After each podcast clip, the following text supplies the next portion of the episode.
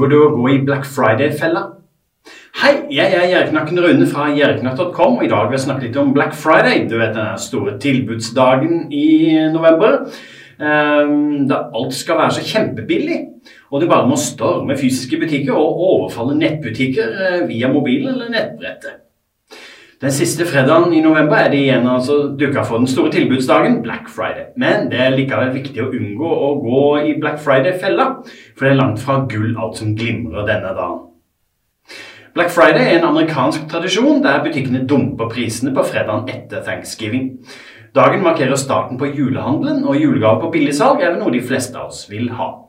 De seneste åra har tradisjonen velta innover Norge også, men så spørs det om de norske butikkene egentlig viderefører dette med å tilby supergode eller om de i hovedsak bruker denne dagen til å prøve å lure oss. Både nettbutikker og vanlige butikker i Norge kommer til å delta i Black Friday, men en god dose skepsis er verdt å ha i bakhuet. Still deg selv spørsmålet er dette virkelig et godt tilbud. For et par år siden syns jeg mange hadde topptilbud, men i fjor og tidligere de senere åra syns jeg det har vært stusslige greier som butikkene forsøker å prakke på oss forbrukere. I år har det gått så langt at mange av de største kjedene har sine egne Facebook-arrangementer og aviser også, som de markedsfører i vilden sky og enkelt opererer med konsepter som Black Week og Black Month. Da er det kanskje litt for godt til å være sant å tro at alle tilbudene de kommer med i forbindelse med det her, er spesielt gode. Lag en oversikt over hva du faktisk trenger eller planlegger å kjøpe. Enten du trenger ting sjøl eller skal handle julegaver til deg sjøl, venner og familie, bør du lage en liste over hva du planlegger å kjøpe. Dersom dere i familien er vant til å lage ønskelister, er det absolutt på tide å få alle til å sette i gang med den nå, i dagene før Black Friday. Dersom du har sett eh, bilder fra Norwegian Outlet og andre steder der folk går helt bananas bare fordi det er Black Friday, så skjønner du sikkert hva massesuggesjon er for noe. Psykologer snakker om at vi forbrukere ikke egentlig vet hva vi vil ha, og hva vi har lyst på, før andre viser at de har lyst på det. Derfor er det så viktig at du tenker gjennom på forhånd hva du faktisk trenger og vil kjøpe. Hold deg til lista di, og ikke fall for fristelsen å kjøpe noe utelukkende fordi det er billig. Sammenlign priser, sjekk at tilbudet faktisk er tilbud. Ser du noe som er fremstilt som et godt tilbud, dobbeltsjekk alltid dette. Handelsstand har masse triks for å lure oss. Sammenlign priser og førpriser via f.eks. søkemotorer og tjenester som Prisguide eller Prisjakt, så kan du enklere finne ut om det virkelig er en god deal eller ikke. Dette er viktig, for du kan ikke stole på det butikkene hevder eller insinuerer. Også om du skal handle i en fysisk butikk, er det smart å bruke prissammenligningstjenester på nett, sånn at du er sikker på at du gjør et kupp.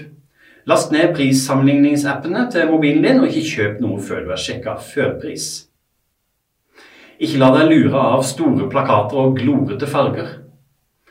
Ikke kjøp mer enn du har bestemt deg for eller har råd til.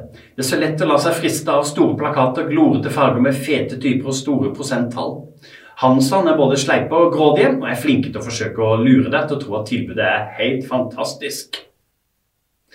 At en butikk eller nettbutikk bruker store, svarte skilt og svart, pen grafikk på nett, betyr ikke noe annet enn at de ønsker å selge masse varer.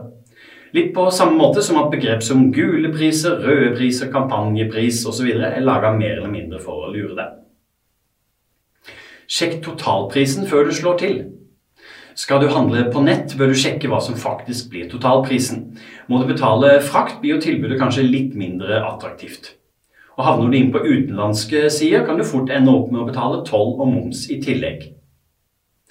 Bruk kredittkort når du skal betale.